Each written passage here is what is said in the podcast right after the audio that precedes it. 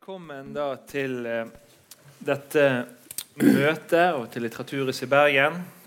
Og denne samtalen som da har fått tittelen 'Lånte fjær plagiat på 1700-tallet'. Eh, dette møtet er jo da arrangert i et samarbeid mellom Litteraturhuset i Bergen og forskergruppen for 1700-tallsstudier ved Universitetet i Bergen. Og er da det første av tre møter i denne Lånte fjær-serien. Eh, 23.10 blir det da en samtale om, eh, om Holberg, eller eh, som tittelen heter 'Lånte fjær' og 'Skrive med saksen'. Og 20.11 blir det så mer rettet fokus mot samtidens praksiser under da tittelen 'Lånte fjær fra kompilasjon til inspirasjon', med et spørsmålstegn bak. Eh, der vi bl.a. får besøk av poet Erlend O. Nødtvedt. Kanskje en kompilator, eh, neppe en plagiator. Eh, med oss i dag så har vi da professor i allmenn litteraturvitenskap Anne Beate Maurseth. Førstelektor i historie Thomas Slettebø, begge fra Universitetet i Bergen. Og Inga Undheim, som er førsteamanuensis i norsk ved NLA. Eh, dekanen eh, og professor Jørgen Sejersted skulle jo egentlig vært her i dag, men han måtte melde eh, avbud.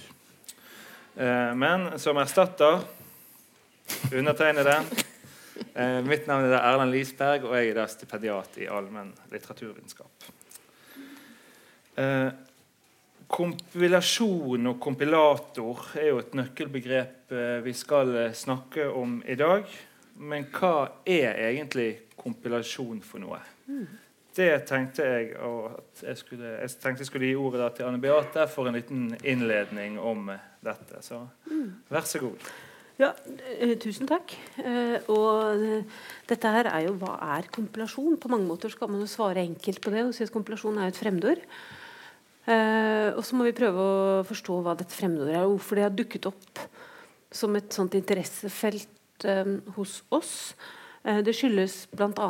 at det er eh, dukket opp en rekke eh, saker eh, de siste årene, og de dukker opp med ujevne mellomrom, hvor man beskylder forfattere for eh, plagiat. Og noen blir eh, trukket. Noen utgivelser blir jo rett og slett trukket fordi man finner ut at det er plagiat. Og ofte i diskusjonen omkring dette her, så er det noen som peker på at eh, det er som en kompilasjon. Dette gjelder eh, kjente eksempler som har vært oppe de siste årene. Så kan jeg nevne eh, Karsten Alnes, norgeshistorien hans. Eh, jeg kan nevne eh, Henrik Langeland sin roman om Aker, som ble trukket fra forlaget når de fant ut at han hadde hentet, dippet og limt for mye fra eh, Wikipedia, bl.a.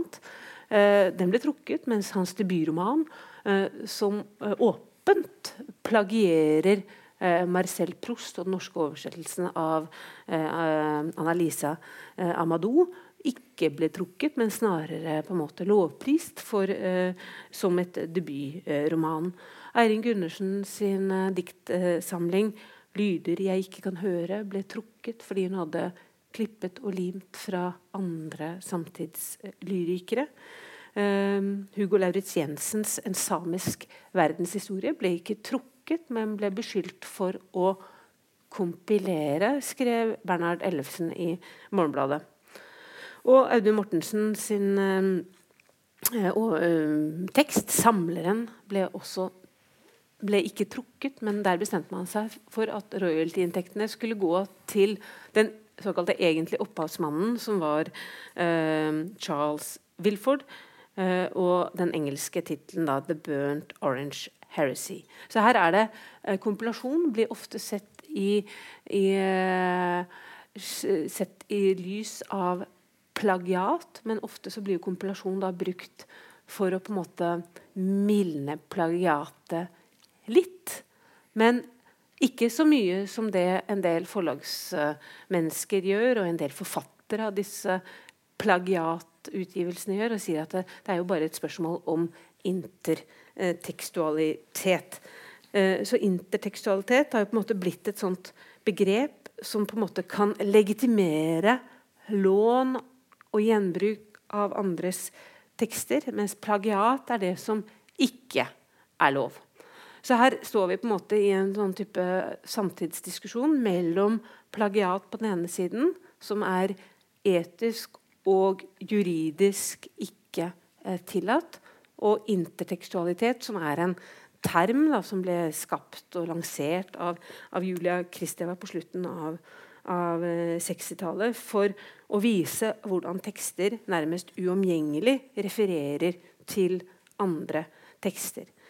Uh, og som beskriver da, dette innslaget av lån, som ikke er noe mer enn blått og bart at man lar seg eh, inspirere. Så Det er på en måte noe av bakgrunnen for at vi eh, som er da eh, forskere på 1700-tallet, eh, har på en måte tenkt at denne termen eh, kompilasjon kan bidra til å nyansere denne eh, disku dagens diskusjon om plagiat.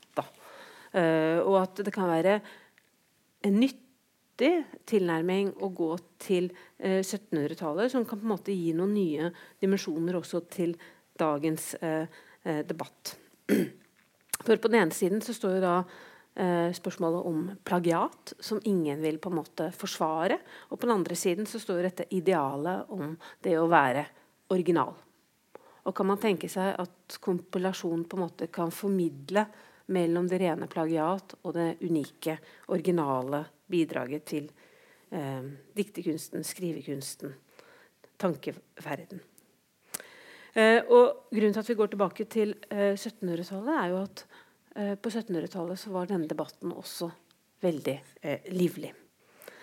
Eh, på den ene siden så var det å være en kompilator en aktverdig rolle som man hadde, og som går tilbake til antikken. At noen måtte ha ansvar for å videreføre det andre hadde skrevet. Og det var en helt eh, aktverdig rolle å ha i det lærde eh, samfunn. Eh, på like, altså ikke på lik linje, men som på en måte du har en rekke ulike typer betegnelser. Kopist, kommentator, kompilator, forfatter. Det var på en måte bare en rekke rekke av ulike typer av eh, funksjoner som man kunne ha. Men på 1700-tallet begynner man å diskutere, diskutere begrepet. Og, og eh, det med kompilasjon begynner å bli litt sånn eh, smussig. At det begynner å bli en slags klanderverdig eh, heftelse ved det eh, begrepet.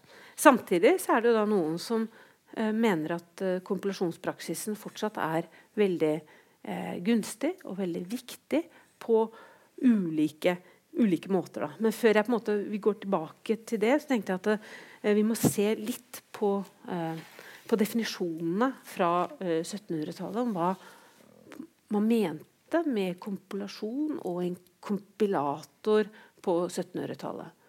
Uh, og et veldig godt sted å gå når man lurer på hva noe betydde på 1700-tallet, det er jo uh, den store franske encyklopedien. Den store franske ordboken over all verdens kunnskap, som ble utgitt i en 20-årsperiode eh, på 1700-tallet. Som langt på vei samler all verdens kunnskap, og man kan få en slags indikasjon, ta tempen, så å si, på det intellektuelle landskapet eh, på, på 1700-tallet. Eh, og når man slår opp på kompilasjon og kompilator i det oppslagsverket, så får man innblikk i noe av den eh, ambivalensen. Jeg skal ikke lese det opp for dere, eh, i hvert fall ikke på, på, fransk, men jeg har tenkt å, eh, å, å, si eh, Gjenfortelle noe av det som står i disse, eh, i disse definisjonene. Eh, hvis vi går, slår opp på oppslagsordet kompilasjon, så står det at det er en, en samling med tekststykker som er tatt fra ulike steder hos den samme eller hos forskjellige forfattere. Det finnes rosverdige kompilasjoner, f.eks. de hvor tekster av ulike forfattere med forskjellige stil er så godt smeltet sammen at de virker utgått fra én og samme penn. Andre kompilasjoner er bare tørre eller formløse bruddstykker som er dårlig sydd sammen. Man kan sammenligne disse med en haug med råmaterialer, de første med et byggverk. Eh, så her ser vi på en måte at det finnes gode og dårlige kompilasjoner. Så kompilasjoner er på en måte akseptert hvis de er gode, og de er klanderverdige hvis de ikke er gode. Slik som ethvert annet tekststykke, eh, f.eks. Hvis vi da går til eh, definisjonen av kompilatoren, så står det i encyklopedien at det er en forfatter som ikke skriver noe av sin egen skaperkraft, men som nøyer seg med å samle og gjenta det andre har skrevet. Men så står det videre de mest nødvendige egenskaper for dem som kompilerer, er nøyaktighet og vurderingsevner. For at leseren utelukkende skal bli presentert for det som fortjener hans oppmerksomhet. Her ser man helt tydelig denne ambivalensen som går mest på at eh, det er en som ikke er original i det hele tatt, og som ikke suger noe av sitt eget bryst. Men på den andre siden så er det en som er veldig flink til å gi alle mennesker det de trenger, og det som fortjener deres oppmerksomhet, som nærmest blir en slags sånn veileder inn til kunnskapens uh, verden. Så disse to uh, definisjonene er egentlig veldig uh, interessante, fordi at de viser noe av, av denne ambivalensen som var, gjorde seg gjeldende i, i opplysningstiden. som på den ene siden handler om at man må begynne å sette sitt særpreg på det som blir skrevet. Og på den andre siden man må sørge for at folk får eh, At kunnskap blir gjort tilgjengelig for folk flest. Og her er vi midt inne i det som på en måte karakteriserer spenningstiden i eh, opplysningstiden. Eh, så det er på mange måter eh, dette som utgjør vårt interessefelt. Da, at det ene er denne kritikken mot kompilasjonen som vokser på 1700-tallet, samtidig som at vi kan se at det under visse betingelser er en aktverdig, og at det er en praksis som eh, vedvarer. Så det er på mange måter utgangspunktet for vår interesse og måten vi ser på kompilasjonen på som en slags sånn middelterm mellom plagiat på den ene siden og originalitet på den andre siden. Takk. Eh, er, det, er, det, alltid snakk om, om, klipping og liming, eller hvor går grensene for begrepet opp mot imitasjon og inspirasjon og, og etterligning og, og, sånne ting? Altså På 1700-tallet så er kompilasjon er når man bruker andres tekst direkte inn i sin egen tekst. Så um, Uh, altså En tekst som er sammensatt av flere andre tekster, men ordrett, altså fragmenter, det vil være en kompilasjon. Mens hvis vi snakker om imitasjon, da kan det hende at man har lånt ideer, karakterer fra et verk, uh, plott. Da snakker vi gjerne om et, et verk som imiterer hverandre. Med kompilasjon da er det i hvert fall en streng definisjon vil på en måte legge vekt på at det er et direkte lån, altså ordrett. Ja. Mm. Sitater uten sitattegn på en uh, måte? da? Veldig mye sitater uten sitattegn. Altså, det er veldig viktig det som Thomas sier, fordi at imitasjonsparadigmet var jo veldig utbredt uh, i, på 1600-tallet. For dere som har uh, kjennskap til litteraturstudiene, så er jo det på en måte klassisismens periode, da, hvor imitasjonen på en måte var det som sto i, i høysetet. Det var også en ærverdig i praksis. Men det er jo på en måte et slektskap på mange måter mm. mellom uh, imitasjon og uh, kompilasjon på mange mm. måter. Mm. Uh, du nevnte jo både skjønnlitterære og sånn sakprosaeksempler mm. nå i din innledning. Var det sånn at på 1700-tallet så klippet man og limte i, i begge sjangre? Jeg kan jo si litt om eh, sakprosa først. Kanskje Anna Beate vil snakke litt om eh, skjønnlitteratur. Men eh, på 1700-tallet så fantes, var kompilasjon overalt. Eh, det var i tidsskrifter, det var i aviser. altså det at Man klippet og limte nyhetssaker eller artikler fra andre steder. Eh, det var i leksikon, altså oppslagsverk, og det var i, i på en måte sak, det vi i dag vil kalle sakprosa, altså historieverk eh, osv. I noen av de sjangrene, sånn som et leksikon, for eksempel, encyklopedien, det er jo en eksplisitt kompilerende sjanger. Altså Det er et oppslagsverk med artikler. Eh, der, og der I fortalen til encyklopedien for eksempel, så innrømmer de at dette her er hentet annensteds fra. Altså Det er en eksplisitt kompilerende sjanger. Eh, det som kanskje er den største forskjellen fra i dag, eh, er at et historieverk på 1700-tallet kunne gjerne være en kompilasjon. At store deler av teksten var hentet ordrett fra andre steder. Og at det på en måte var greit. Altså På 1700-tallet fantes det folk som kalte seg sjøl kompilatorer. Et uh, veldig viktig eksempel på det det er forfatteren Charles Rollet, en fransk geistlig som også var rektor på universitetet i Paris, som var kjent for å skrive antikkhistorier.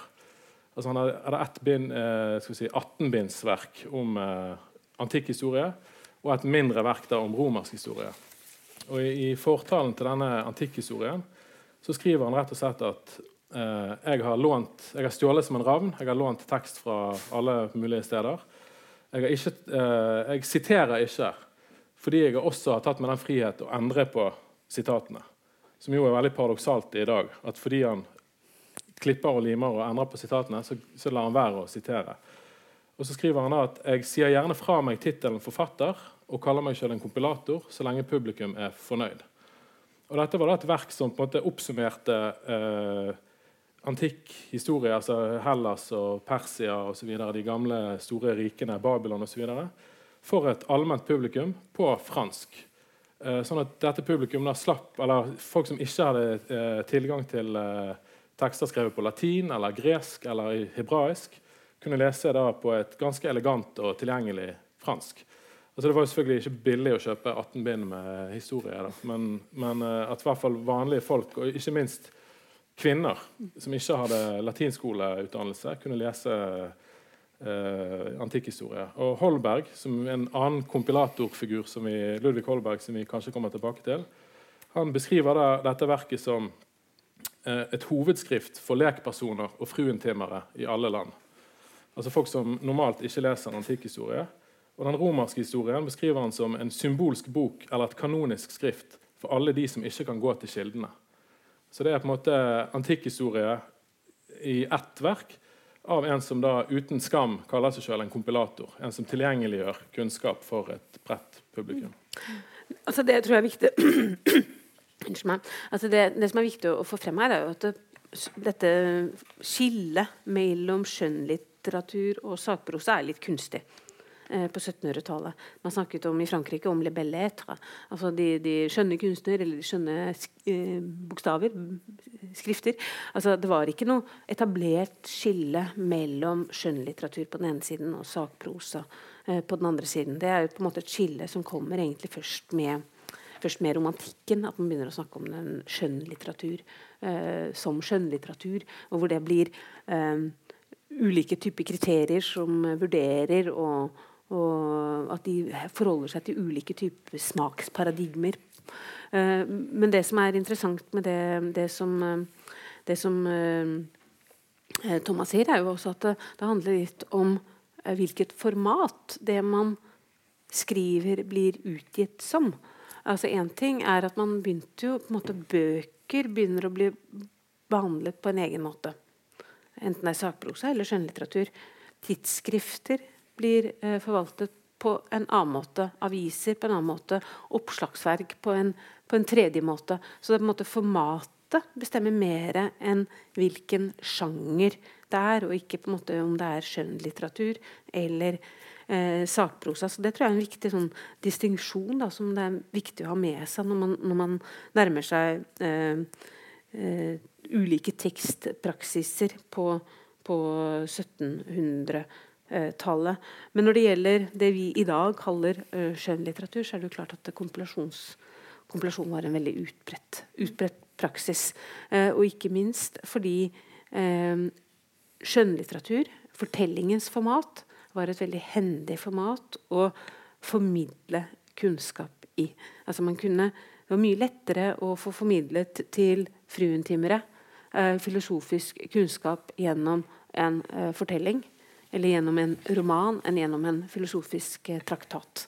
Eh, så det var på en måte et helt sånt ut, utstrakt grep som ble brukt av uh, I alle fall i Frankrike i utstrakt grad. Og det er jo ikke tilfeldig at de fremste filosofene i Frankrike på 1700-tallet, og da nevner jeg i fleng, da, bare for å gi dere noen navn Montesquieu, Rousseau, Voltaire, Rousseau, som kanskje er de fire mest kjente filosofene, de er jo kanskje aller mest kjent for de romanene eh, de skrev, og ikke de traktatene eh, de skrev. Mm. Mm. Kan jo også bare slenge inn at altså, eh, I dag så skiller vi jo ganske klart mellom skjønnlitteratur og sakprosa. Det gjør vi også når vi jobber med 1700-tallslitteraturen. Så jeg tenker jo Det der absolutte skillet så du sier, han eh, Rolla eh, kompilere men siterer ikke nødvendigvis. Og Der kommer du allerede der inn i et litt sånn blurry farvann, som man kan kjenne igjen fra mye av det man kaller skjønnlitteratur i dag. Eh, og, og, det at den der kompilatorpraksisen var så akseptert, kan nok også ha eh, også, gir, gir, også gjenklang i en del av tekstene som ble skrevet, som var eh, ja, gjerne skrevet av eh, sakprosaforfattere som også skrev skjønnlitteratur. F.eks. Ludvig Holberg. Um, og altså, han kompilerer utstrakt i sine historieverk. Um, det kommer vi sikkert til å komme tilbake til. Men hvis jeg skal trekke fram et skjønnlitterært eksempel som lukter av kompilasjon, eller som man kanskje i hvert fall som er smitta av den praksisen, så kan man jo trekke fram noe så enkelt som Jeppe på Bjerget der man har to eh, altså ikke bare har to grunnmotiver som har vandra gjennom litteraturhistorien, nemlig 'Konge for en dag' og, og 'Mannen med den slemme kone', som klippes og limes på sett og vis sammen, men også legger, altså der forfatteren også legger til sitt, sin egen stemme. Um, og Holberg er veldig tydelig på altså Han kjenner jo selvfølgelig til han kjenner til Rolla, men han kjenner også til praksisen fra eg, sitt eget virke som både historiker og, og dramatiker. Og i innledningen til utgivelsen av eh, sine komedier så skriver Holberg rett ut at, eh, at Jeppe på Bjerget er en variasjon over ikke bare et gjengangsmotiv, altså et bruksmotiv som konge for en dag, men også en, en, et gjenbruk eller en variasjon over Bidermanns gamle historier mm. som autor har utført i en komedie som han skriver sjøl. Så, så, så, leserne var klar over at, uh, at disse verkene her var satt sammen av andre ting? Ja, men ja. ja altså, I mange tilfeller uh, var de det. Det er noen grensetilfeller som jeg kan kanskje komme tilbake igjen til straks. men Eh, for å svare enkelt på Det så det fantes kompilatorer som jeg var litt inne på som kalte seg sjøl det. Rollet er ett eksempel. Et annet eksempel er en kjempestor britisk eller engelsk utgivelse som heter A Universal History. Som er et bokverk på mange bind etter hvert. Som ble gitt ut av et sånn konglomerat av forleggere i England fra 1730-tallet til slutten av 1740-tallet. Så pumpet ut sånne bind. Og det var da et kollektivt verk av forfattere som kopierte andre tekster. Og Der står det på forsiden altså, uh, 'Universal History', bla, bla, bla, 'compiled by' sånn, Og så er det et anonymt forfatterkollektiv uh, som har skrevet verket. Uh, og så, så det, ja, det, fantes på en måte eksplisitte kompilasjoner som ble lest og, og brukt, og folk satte pris på dem. Jeg nevnte Roller var en bestselger og ble oversatt til mange språk. 'Universal History' ble lest av eh, amerikanske grunnlovsfedrene, f.eks. Eh, mm. Og Benjamin Franklin og George Washington og disse likte å, å sette pris på det verket. Det ble også oversatt til tysk og fransk osv. Men eh, og Vi kommer tilbake til dette med kritikken av kompilasjon. Men en forfatter som Holberg, da, som skrev mange store historieverk, eh, altså danmarkshistorier, en kirkehistorie, eh, jødisk historie bl.a. Eh, han kunne være inne på det i fortalen sin. Han kan f.eks. skrive i, eh, i, jødisk historie at jeg har brukt tre verk. Jeg har brukt Josefus, altså en antikk forfatter. Jeg har brukt eh, Humphrey Prideaux, en engelsk forfatter. Og jeg har brukt eh, Jacques Banache, en fransk eh, forfatter. Dette er grunnvollen til mitt verk, skriver han. Uh, og jeg tar meg ikke bryet med å sitere disse verkene fordi jeg bruker de så mye. skriver han. Uh, som også høres litt rart ut i dag, men det er en kompilator som snakker. egentlig. Og Det, folk, det tror jeg folk var vant til å lese på 1700-tallet. Men så går han rett etterpå i samme fortale videre og skriver at uh, Men de er ikke de eneste jeg har brukt. Jeg har også brukt skribenter som Og så kommer en lang liste med uh, tekster fra 15-, 16- og 1700-tallet.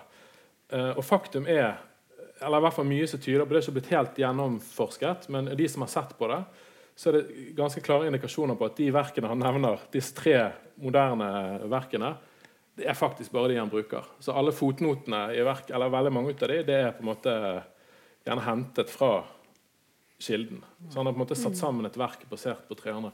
Så Holberg er, og Dette går igjen i flere av verkene hans. Han er en, en eksplisitt kompilator på noen måter, men han, det er litt sånn røyklegging, eh, tåkelegging samtidig. Og da er vi litt inne på det ubehaget. så mm. Anne Beate men, men, er dette noe som åpenbarer seg mer og mer nå når man har eh, digitalisert eh, bøker, og liksom man, kan, man, kan, sjekke dette, så tro, ser man at verk man trodde var originale, plutselig Det er både altså, En interessant faktor det du ikke nevner nå med Holberg når han skriver at han, altså, han ramser opp en haug med andre forfattere og andre verk han også skal ha eh, kompilert inn i dette her. Det er jo også at det er en veldig klar markedsføringsstrategi som brukes. Altså Kompilasjon var ikke, det var ikke nødvendigvis noe negativt. Det var også noe man brukte som markedsføring. Og man kan gjerne finne masse nye kilder med, med vår, altså den digitale tilgjengeliggjøringen eller digitaliseringen av tekst fra 1700-tallet kan avdekke veldig mye nye kilder og, og nye, ny bruk. Men det kan også avdekke det motsatte. altså at eh, man gjerne påstår at at her har vi kompilert inn den og den og den forfatteren for å få folk til å kjøpe verket. Og så viser det seg etterpå at det slettes ikke kompilert. Disse forfatterne fins ikke her. Men det er helt andre, og det kan være anonyme eh, kilder som er kompilert, og som dermed kanskje ikke hadde den samme statusen i tiden. Så man brukte det jo også som, en, som et pluss i markedsføring. og det er helt klart at eh, De digitale verktøyene vi har i dag, de hadde man jo ikke på 1700-tallet. Eh, og det er jo helt klart at det er jo gjort eh, For å komme tilbake litt til eh, encyklopedien, da, så er det jo gjort noen veldig interessante studier nå av ansyklopedien. Eh, og et sånt eksempel som er veldig sånn, slående, er jo Montesquieu, som jeg har nevnt. Han er jo kjent for å ha skrevet 'Lovenes ånd' og som er opphavsmannen til maktfordelingsprinsippet uh, i, i, statsvitenskapen, og, og, i, og, som både den norske og den amerikanske grunnloven har tatt, uh, tatt, til seg, og som man lærer om på, på videregående uh, skole. Han har bidratt med én artikkel i encyklopedien. Og den handler ikke om maktfordeling, den handler om smak én artikkel, og den ble posthumt på en måte tatt inn i encyklopedien. Men det på en måte disse nye digitale verktøyene har klart å vise, er at eh, Montesquieu sitt tankegods gjenfinner man ord for ord i flere hundre artikler. Eller i hvert fall et mangfold av artikler. Jeg mener å huske at det er oppi et hundretalls artikkel, artikler. Det finnes jo noen tusen artikler i encyklopedien, men at det da finnes i et hundretalls artikler, eh, vitner om at her er det på en måte en skjult delvis skjult hvert fall, innhenting av Montesquieu sin autoritet også i andre typer artikler. Så denne, um, det er klart at det nye digitale verktøy gjør det lettere for oss som forskere å, å finne um, hvordan andre hvordan kompilasjonen er blitt brukt. og vi har lettere for å gjøre detektivarbeidere er jo mye lettere mm. for oss. da. Eh, og så ble det, må, det som er interessant med det som Inga sier, er at det, det blir brukt på så, så, mange ulike motivasjoner. Altså, En måte er jo at man må skjule hvem som har skrevet det, eh, fordi uh, man var redd for sensuren, og at man dermed fikk mm. sagt mye annet. Noe annet var for å å påberope seg at man har kompilert noe som man kanskje ikke har kompilert, inn i en tekst for å markedsføre eh, teksten. Så det er på en måte å gå inn i en sånne ulike sånne tekstpraksiser eh, som har med å formidle eh, budskapet på, formidle teksten på, og, skaffe oppmerksomhet rundt teksten på.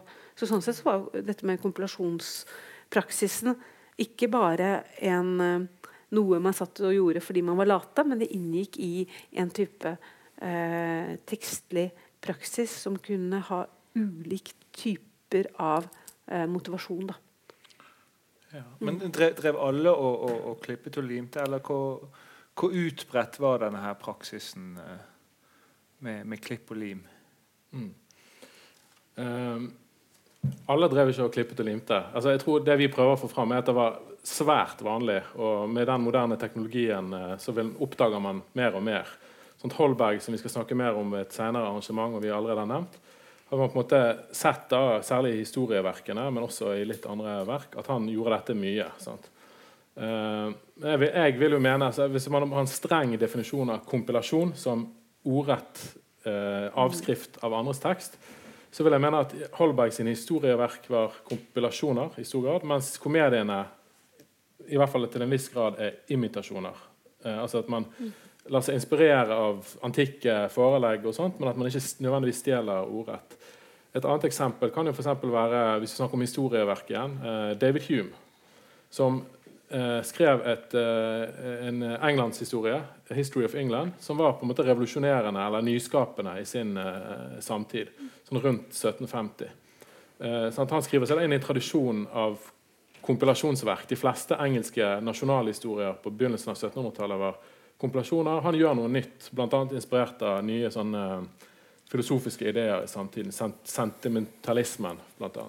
Mm. Så jeg vil si at det ble skapt uh, nye Montesquieu, uh, 'Lovenes ånd', vil jeg si ikke, er ikke en kompilasjon.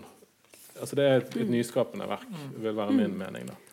Det er lite sånn uh, ordrett uh, Men som ble kompilert inn ble kompilert, i, ja. i encyklopedien. Ja. Mm. mm.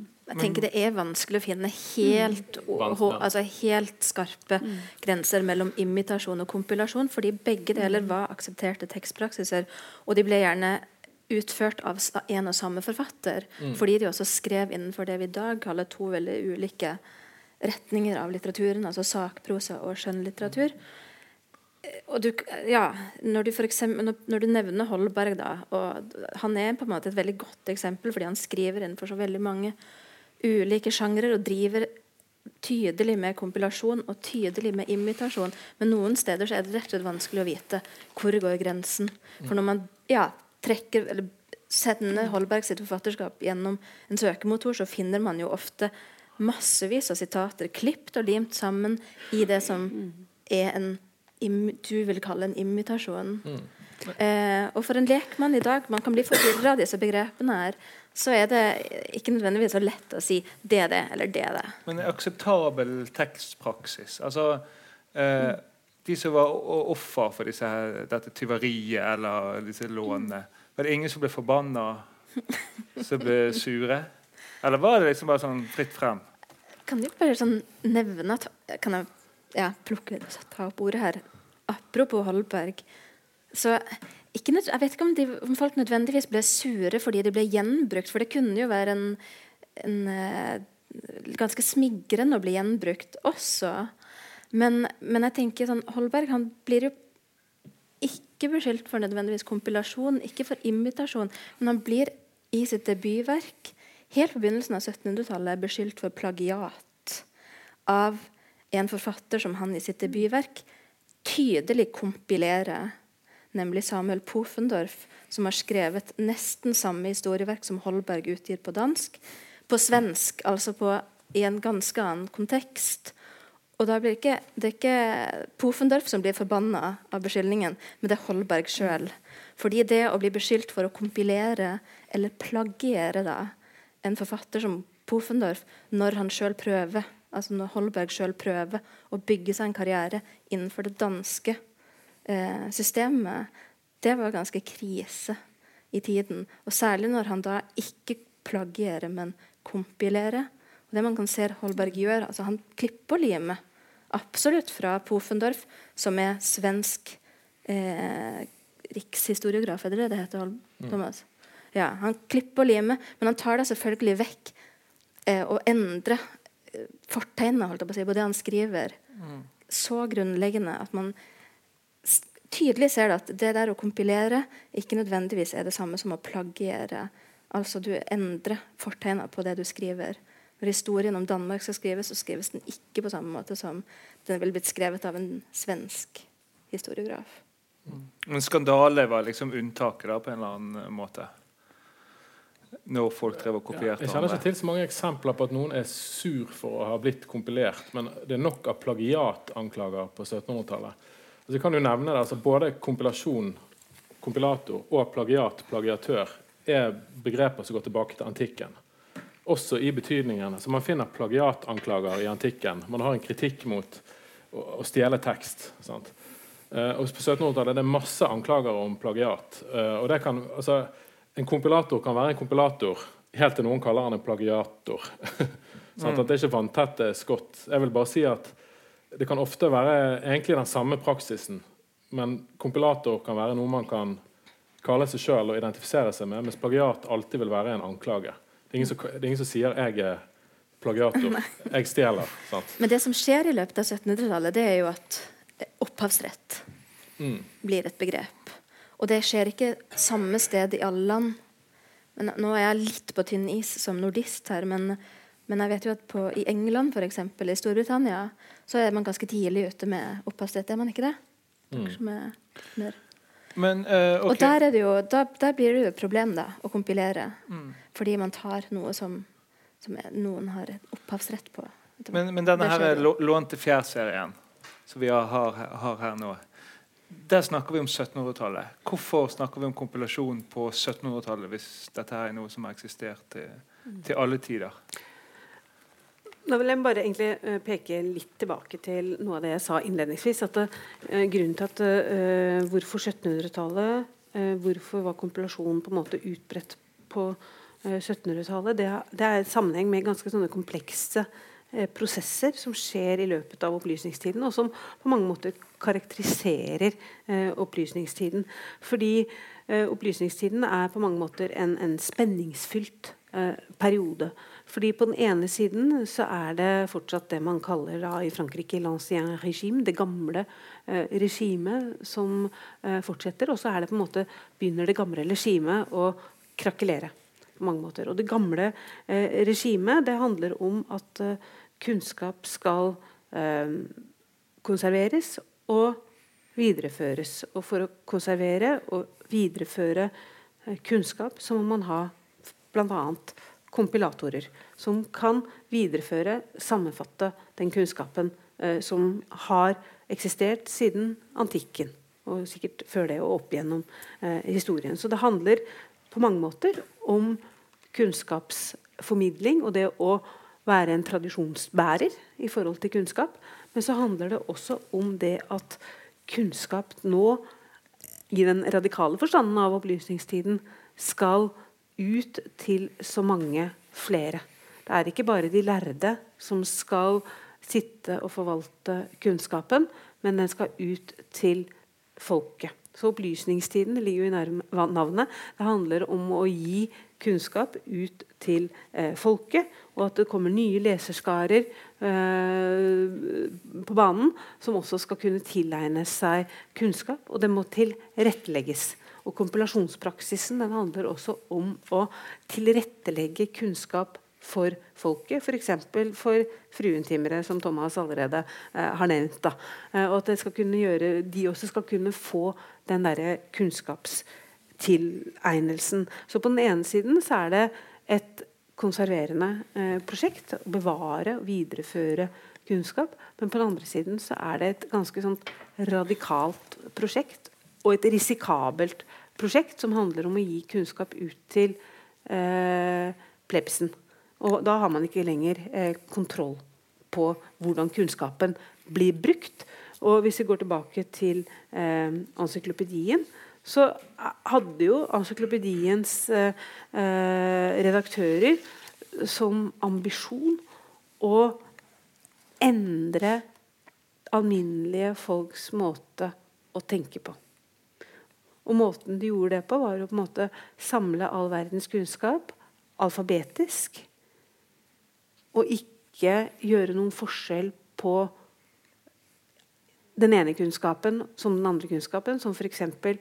For forskjellen mellom eh, strømpemaskiner og teologisk kunnskap, ble, satt, ble, gjort helt likeverdige. Og Da er det opp til leseren å knytte denne kunnskapen sammen og bruke den etter eget forgodtbefinnende. Så på mange måter så handler jo denne kompilasjonspraksisen også om en slags demokratisering av eh, kunnskapstilgangen. Og det er et ganske viktig, viktig poeng i, i, så måte. Så denne kompilasjonspraksisen har både en sånn tradisjonsbevarende effekt, og på den andre siden så har den et sånn dypt radikalt eh, prosjekt som handler om å demokratisere kunnskapstilegnelsen i et samfunn som i utgangspunktet er eh, hierarkisk. Mm. Eh, så det er et utrolig viktig eh, moment når man går til kompilasjonspraksisen på 1700-tallet. Det handler om kunnskapsformidlingen og den blandede statusen som kunnskapsformidlingen hadde, delvis som en sånn kontrollmekanisme. Du har kontroll på hva du gir til folk når du lager sammenfatninger.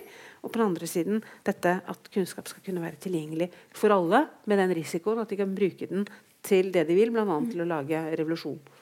Men, lite poeng til det. Eh, på, altså, når boktrykkerkunsten ble oppfunnet, så begynner man å trykke bøker. Og nesten umiddelbart så kommer det en samtidsdiagnose, nemlig at det er, en, det er for mange bøker. Altså det, er en, uh, det, det er forskningen som kalles en early modern information overload. Mm. Uh, og Det er ikke nødvendigvis en eh, deskriptiv beskrivelse, det er på en måte en normativ diagnose. Og Dette ble stilt gang på gang på 1500-tallet, 1600-tallet, 1700-tallet. Men det, det, som endrer seg, er litt uh, hvordan det løses. da. For Hva er det forfattere og intellektuelle, intellektuelle gjør når de opplever at, identifiserer et problem? Mm. de skriver. Så Svaret på eksplosjonen av bøker det var å lage nye bøker. Men på 1600-tallet da var det lærde, altså da var det leksikon, store oppsagsverk, som florilegier, en sånn sjanger, eh, der man skulle favne all verdens kunnskap i én bok. Så disse bøkene vokste og vokste og vokste. altså fra liksom 10 000 oppslagsord til 20 000 til 40 000. Det er enorme verk. Det endrer seg på 1700-tallet. og det, det, handler litt om det som Anne Beate snakker om, at da er det en, en villet kunnskapsdemokratisering. Altså at, at leksikonet blir altså Encyklopedien, f.eks., også Cyclopedia i, i England av Ephraim Chabers, blir mindre og mer eh, nyttige, kan du si, også kritiske. Eh, særlig encyklopedien. da. Og bare for å legge til dette her med demokratisering av kunnskap. det er jo veldig sånn at Disse som på en måte smykket seg med eh, etiketten kompilator, de gjorde jo det også med tanken på at uh, kunnskap er noe som skal være allemannseie. Og en kompilator altså det er et, et, sånn uttrykk som ofte blir brukt i flere tekster fra 1700-tallet. At kompilatoren er som en bie som eh, hopper rundt fra blomst til blomst og suger nektar, og som lager honning av det de, de suger opp. Og gir en ny, på en måte, en ny versjon, eh, søt og deilig, til de nye eh, generasjoner. Og En annen ting er jo det som skjer på 1700-tallet, dette demokratiseringsperspektivet av kunnskapen, er jo pedagogikken som vokser frem. At dette med kompilasjon er jo også et pedagogisk verktøy som skoleelever blir satt til å, å gjøre i, på skolene. Altså, skriv, sammen, skriv, et sammendrag av det mm. du har lest her. Og et sammendrag er en sammenfatning av ulike tekster. Er også på en måte innenfor og beslektet med dette begrepet eh, kompilasjon. Men nå snakker vi om tidsånden og liksom de store kollektive prosjektene. og og kanskje i litt sånn festtaleformer om kompilatorene. Men altså, det slår jo meg at det er et snev av latskap i det der å bare ta fra, ta fra, andre og sette sammen disse her tekstene. I hvor stor grad for den, enk, for den enkelte kompilator var dette her et, eh, en grei måte å produsere masse tekst på og tjene store penger? Jeg tror du er inne på noe viktig. Altså, dette med kunnskapsformidling og demokratisering av kunnskap det er jo på en måte en funksjonell tolkning av hva altså det, er jo, det er et produkt av kompilasjon, og det skjer jo. Sant? Men hvis vi ser på det individu, individet sine motivasjoner for å skrive en kompilasjon, for å kompilere, eh, så handler jo det egentlig da om å slippe å gå til primærkildene, som jeg som historiker ville sagt. Slippe å gjøre så mye research. Man kan heller lese noen store, moderne verk og få oversikt og formidle det raskt. Men gjerne oversette fra andre språk. da.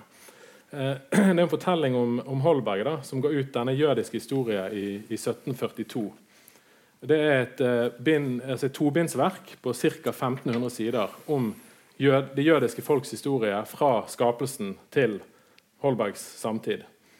Uh, og det er en historie da, at han, når han skulle skrive dette verket, så gikk han til Markus Wøldicke, som var professor i teologi ved Universitetet i København. Og så sa han jeg har tenkt å skrive en uh, jødisk historie. Uh, kan du hjelpe meg med å skaffe bøker så jeg kan bruke til research? Wøldicke er en samvittighetsfull og veldig sånn ordentlig person, så han sier ja, det skal jeg hjelpe deg med. To-tre uker, to, uker senere, da har han jobbet aktivt med å finne tekster og bøker til Holberg. Så sender han da en kleskurv fullt med dokumenter og bøker til Holberg på hebraisk og latin. Og her, vær så god. Og da sier Holberg at eh, til de eh, viserguttene som leverer disse bøkene, at de kan dere bare sende tilbake til Vøldike. For jeg har allerede begynt på verket. Jeg har skrevet halvparten. Jeg trengte egentlig bare to-tre moderne bøker på fransk for å skrive dette verket. Sant? Det er kompilatoren. Altså, den late kompilatoren. Det er et element av det å skrive raskt, tjene penger, få bøker ut på markedet, skape seg et navn. Så jeg tror på en måte at ja, Vi skal ikke nødvendigvis opphøye det for mye. Det er et element av det også, tror jeg. Økonomiske grunner. Ja, og Det økonomiske grunnet er jo egentlig, egentlig ganske viktig i denne sammenhengen. fordi nå har vi snakket om kompilatoren mm, og i, i forholdet til forfatterskap og sånn. Men dette her er jo også inne i et bokmarked, og de som hadde mm. rettighetene til dette, det er jo forlagshus. Uh, og når uh, tidsskrifter og aviser uh, begynte å, å, sirkulere i større og større grad på, i det lesende markedet, så er det på en måte hvordan skaffe, skaffe stoff. Og en måte å skaffe stoff på var jo å oversette små snutter da, fra ting som var blitt utgitt andre, andre steder. og det er det gjort mange, mange studier på hvordan, eh, eh, hvordan avisene på en måte brukte veldig aktivt utgitte tekster på andre steder og på andre språk for å, for å fylle eh, sidene sine. Og, og, latskap kanskje, men man kan jo se det da i en sånn lykkelig eh, ekteskap da, med eh, kunnskapsformidlingen. Hvis ikke så ville jo ikke kommet disse franske tekstene til, til Trondheim, f.eks. Ja. Nei, det, nei. Mm. Vi har jo et eksempel på det her i mm. Bergen også. Eh, Klaus Fasting, som er kanskje litt mindre kjent enn Holberg, som vi har nevnt og nevnt og nevnt nå. Eh, han var jo sånn, et eksempel på en som ønsket å formidle for et lesende publikum. Jeg vet ikke om Det altså det økonomiske motivet er selvfølgelig en del av bildet, så det er jo komplekst. her. Hva tekster var det han skrev? Ja, altså, eh, når Fasting kom til Bergen han, altså, Fasting var litt 1700-tallsmenneske som skrev innenfor en rekke ulike sjangre og drev på innen en rekke ulike disipliner, altså fra musikk til litteratur. Men en av de tingene som han har bidratt med, som står igjen som et produkt som vi fortsatt er interessert i i dag, er bl.a. Eh, tidsskriftet Provinsialbladet, som kom ut her i Bergen mellom slutten av 1770-tallet og begynnelsen av 1780-tallet, hvis jeg ikke husker helt feil. Eh, og det var et enkeltmannsforetak, så jeg, vil, jeg, har ikke lyst til å kalle det et latmannsverk i det hele tatt. Eh, det var et enkeltmannsforetak eh, av fasting, der han samla sammen altså, vi, altså Aina Nøding hun skrev og utga en biografi om fasting i fjor. Og hun kaller hans metode for å, å, klippe, nei, å skrive med saksen. Han har klippet og limte fra tidsskrifter som, eh, som, han abonnerte på og fikk inn til Bergen. Oversatte eh, og skrev det sammen sånn at det i tråd med den gode kompilatoren som ble sitert av, eh, av eh, Anne Beate nå fra encyklopedien, det ser ut som det kommer fra én og samme hånd. Og fasting hadde veldig sånn tydelig visjon med provinsialbladet. altså Det ligger jo litt i tittelen også, at du henter fra den store verden og, og sprer kunnskapen til, eh, til, provinsene. Han skriver jeg ville forene hva den lærde vet, med hva den ulærde ønsker at vite. Jeg ville sanke hva andre har adspredt. Jeg ville velge det beste. Gjøre det nyttige mindre kjedsommelig, og det behagelige mer nyttig.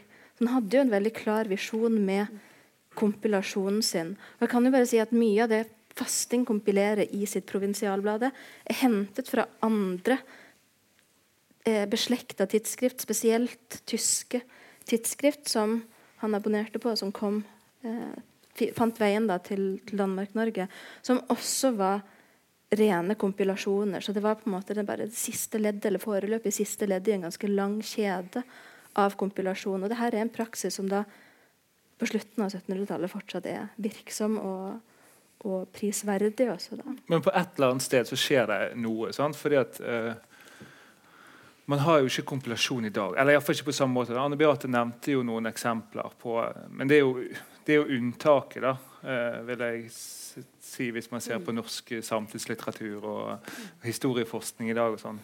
Eh, når slutter man å kompilere, og, og hvorfor? Ja, altså Spørsmålet er om man noen gang har sluttet. da. Det, det eneste er jo et, et spørsmål. Altså, altså, Intertekstualitet har jo kanskje overtatt litt av um, begrepet for å legitimere uh, kompilasjon i dag, uh, som da knytter seg inn til uh, imitasjon og inspirasjonsbegrepet. Men du har helt rett. Altså et, nå er jo kompilasjon et fremmedord. Så man må liksom forklare hva betyr det når man bruker det ordet. og noen noen kan forklare det, da, både med og uten historisk, historisk kunnskap. Men det, det, skjer jo et skifte, og det er jo derfor vi er interessert i kompilasjonens praksiser på 1700-tallet. Fordi det er så tydelig at det skjer et skifte på 1700-tallet. Cirka, jeg vil kanskje si fra og med midten av eh, 1700-tallet. Og det er et skifte som skjer Det er et symptom på et større eh, skifte. Eh, innenfor eh, dikterkunsten så kan man si at det skjer et skifte fra som går fra poetikk til estetikk. Fra å være opptatt av hvordan eh, kunsten blir laget, og se på kunst som et spørsmål om teknikk og håndverk, og hvor imitasjon er et eh, nøkkelbegrep, hvor man imiterer noe etter eller i henhold til da, en opprinnelig, eller det man også da kalte en original eh, modell, eh, så overtar på en måte estetikken refleksjonen, tenkningen, diskusjonen omkring kunst og dikterkunst. I hvert fall fra og med Kant, også før filosofen, den tyske filosofen Immanuel eh, Kant. Eh, men det som er viktig her, er ikke egentlig Kant, men det er det at eh, man blir mye mer opptatt av geniet. Man blir mye mer opptatt av at det skal være originalt. Det en forfatter har skrevet, det er noe unikt. Og det er noe man har altså, suget av sitt eget bryst, eller man har blitt inspirert.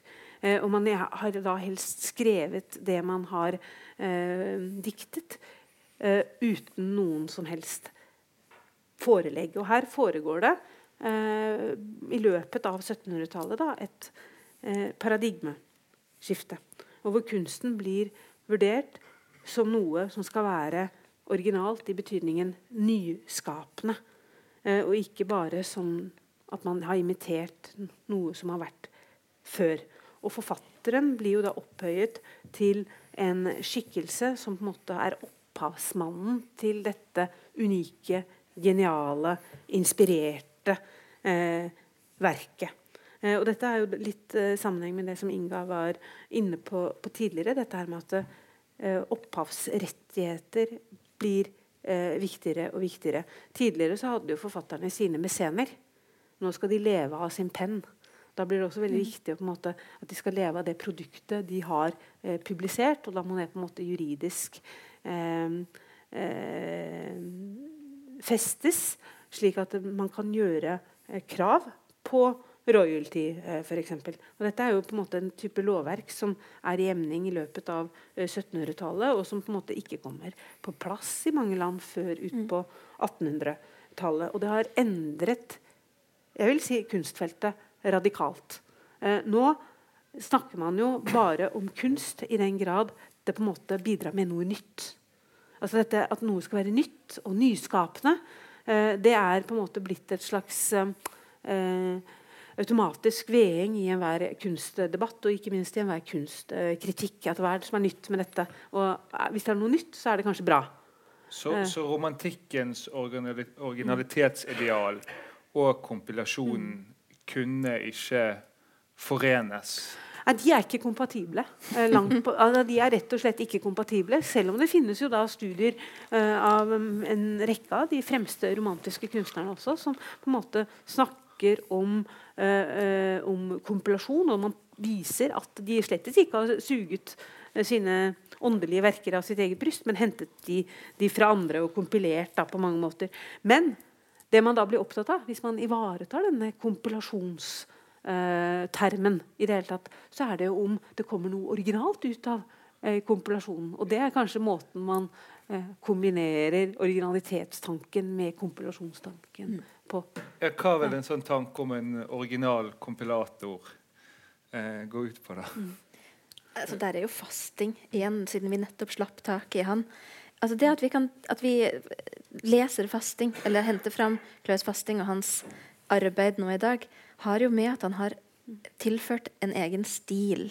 Altså det er noe som skjer med stilen, med en veldig sånn stilistisk bevissthet som, som også er emning på, på 1700-tallet. Og man finner originale trekk. Det samme gjelder jo med Holberg. altså Du leter etter det, det originale, den, den, det eg, særegne. Og så finnes det jo utrolig mange kompilatorer rundt omkring der som, som ikke nødvendigvis besitter den der den såkalte originalitet. Og Kimen til det ligger kanskje allerede i denne encyklopedidefinisjonen som vi har sitert nå. altså Som om det var skrevet av en og samme penn. At man på en måte gjennom det stilistiske klarer å få kompilasjonen til å bli én ny stemme. Det er egentlig, da, må, da har man lyktes med det. Da er det en rosverdig eh, kompilasjon. Det som går igjen i mye av forskningen på, på disse tingene, da, enten det er plagiat eller kompilasjon, eller sånt, er at på 1700-tallet hadde man en ganske romslig forståelse av hva som var common, uh, altså sånn, eh, det, creative commons. eller sånn. Anekdoter. altså En fortelling om en person som gjør noe. Det var måte, det var historie. Det var fritt. Det kunne man liksom bare så Det gjør Fasting, det gjør Holberg, det gjør encyklopedien, ikke minst. Anekdoter, vitser, eh, sånne små fortellinger, det er fritt vilt. Men innpakningen, moralen man trekker ut av det, så innledningen det, det skulle jo være originalt. Hvis man fikk til det Hvis man hadde på en måte en filosofisk refleksjon knyttet til en anekdote om at Peter den store gjør et eller annet, da er man original. På 1700-tallet. sant? Eh, og det har jo endret seg eh, siden da. Altså det er ideen om at, eh, at det fins et sånn fellesgods man kan bruke fritt, men at man, så lenge man pakker det inn på en original måte. Så. Men jeg må jo bare si, altså, det er jo et eller annet med at den originalitetsideen den er ikke ny i romantikken. Hvis du, altså jeg begynte med når jeg til å begynne med nevnte eh, Jeppe på Bjerget, så er det fristende å trekke dem fram igjen. For i det der forordet som jeg siterte litt tidligere i samtalen, så skriver Holberg, og han forsikrer om at dette motivet, altså motivet fra Bidermann, det er det eneste som ikke er oppspunnet i autors egen hjerne.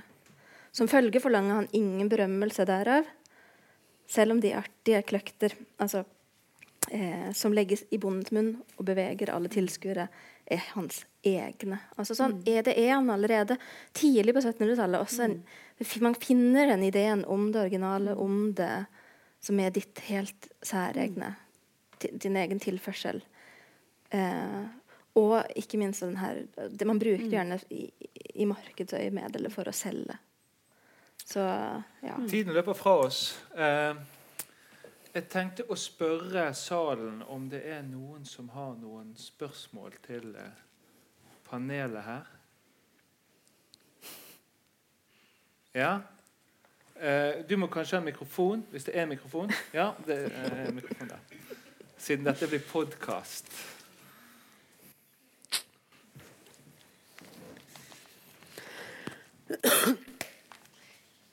Det var veldig spennende å høre på. Er den på? og, eh, men så lurte jeg på eh, forholdet mellom oversettelse og kompilasjon.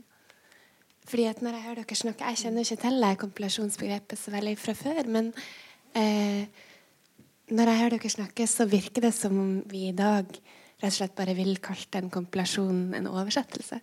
Eller en gjendiktning. Kan Men jo- opererer man med gjendiktninger på 1700-tallet f.eks.? Eller? Det kommer jo litt an på hvilken, altså det kommer an på hvilken sjanger man f.eks. er i.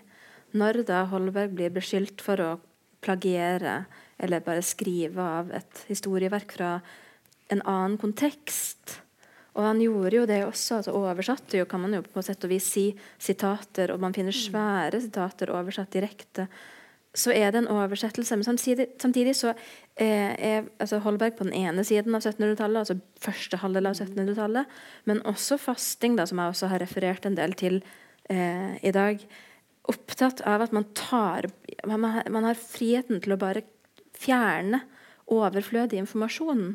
F.eks. komprimere, eh, legge til. Eh, endre stilen, endre på sitatene. Så det er ikke, helt, det er ikke riktig det samme. Eh, men det er jo et godt spørsmål òg, fordi enkelte av de sakene som i dag har blitt kalt plagiat, som vi har nevnt også, altså Audun Mortensen sin 'Samleren', det er jo en oversettelse av et engelskspråklig verk til norsk. Ikke nødvendigvis som i en kompilasjon som det vi snakker om, der man flytter og bytter på tekst. Og også ikke minst da klippe og lime sammen tekster fra, fra ulike kilder og ulike mm. Jeg tror det handler litt om uh, innpakningen. Uh, at ma I mange av disse verkene så var det første kompilasjon vil ofte være flere verk samlet i ett. At man liksom syr litt biter fra det ene og det andre og klipper vekk ting som ikke passer helt. Og så skaper man et, et Hvis det er en god kompilasjon, så det, fremstår det som et enhetlig verk. Eh, så For å ta et eksempel, så skrev eh, da, en kirkehistorie i 1738. eller går ut. Det er egentlig en oversettelse av en fransk kirkehistorie som heter, av en som heter Claude Fleury, en fransk eh, biskop. Men han, kaller, han, sier ikke at dette her er Claude Fleurys kirkehistorie på dansk. Han kaller det Ludvig Holbergs kirkehistorie, og så er det liksom to bind istedenfor tolv. Mm. Så det er en enorm komprimering, og sånt, men det er egentlig på mange måter en oversatt eh, eh, Fleury. Ja. Vi, vi, er på overtid. Uh, det er vi. Uh, veldig kort, kanskje? Nei, altså Det er et veldig godt uh, spørsmål. Fordi, fordi, det jeg tror det er viktig å ha med når man jobber med kompilasjon, plagiat, enten det er i dag eller på 1700-tallet, det er at disse begrepene de opererer i klynger. Og de opererer i klynger av begreper som er ganske beslektede med hverandre. Vi, Aina nøler litt om hun sier plagiat eller kompilasjon. ikke sant? Eh, oversettelse er absolutt med i denne klyngen av begreper. Imitasjon er med i denne klyngen av begreper. Og så kan man forsøke å plassere det. Jeg tror at På det ene ytterpunktet så har du plagiat, og på det andre så har du originalt. Og så du, kan du på en måte prøve å plassere de andre termene i, i, henhold til plagiat på den ene siden og originalitet på den andre siden. Kompilasjon er kanskje en middelterm. Og så har man imitasjon et eller annet sted. Og så er oversettelse, translasjon, da, for å bruke et fint ord, eh, som også ligger der og vaker, og som er beslektet med og berører disse andre, andre termene. Det er klart at uh, Oversettelse er kjempeinteressant i en sånn kompilasjonsdiskusjon. Ikke minst fordi at uh, det handler bl.a. om å oversette fra latin til et mer alminnelig eh, folkespråk for å gjøre det tilgjengelig. Og den type oversettelse den handlet også om å tilpasse. Altså tilpasse i forhold til ulike nasjoners kulturer ulike, og, og, tradisjoner, men også på en måte tilpasse det i forhold til til leseren. Så oversettelse er absolutt på en måte inne i denne klyngen av ord hvor, som jeg har i kontakt med og berøring med kompilasjonspraksisene. Mm. Hvis det ikke er noen som brenner inne med et lynraskt spørsmål på tampen, så tror jeg eh, det bare da gjenstår å minne om disse arrangementene 23.10. og 20.11. om henholdsvis eh, Holbergs forfatterskap da, og forholdet mellom kompilasjon og inspirasjon trukket fram til vår egen tid. Uh, jeg kan jo si som uh, de sier i bukoppsbevegelsen uh, Hvis alle tar med seg en kamerat, så blir vi dobbelt så mange neste gang. ellers så gjenstår det bare å si tusen takk til Anne Beate Maurseth, Thomas Slettebø og Inga Undheim, og ikke minst takk til dere i publikum. Så ses vi den 23. oktober.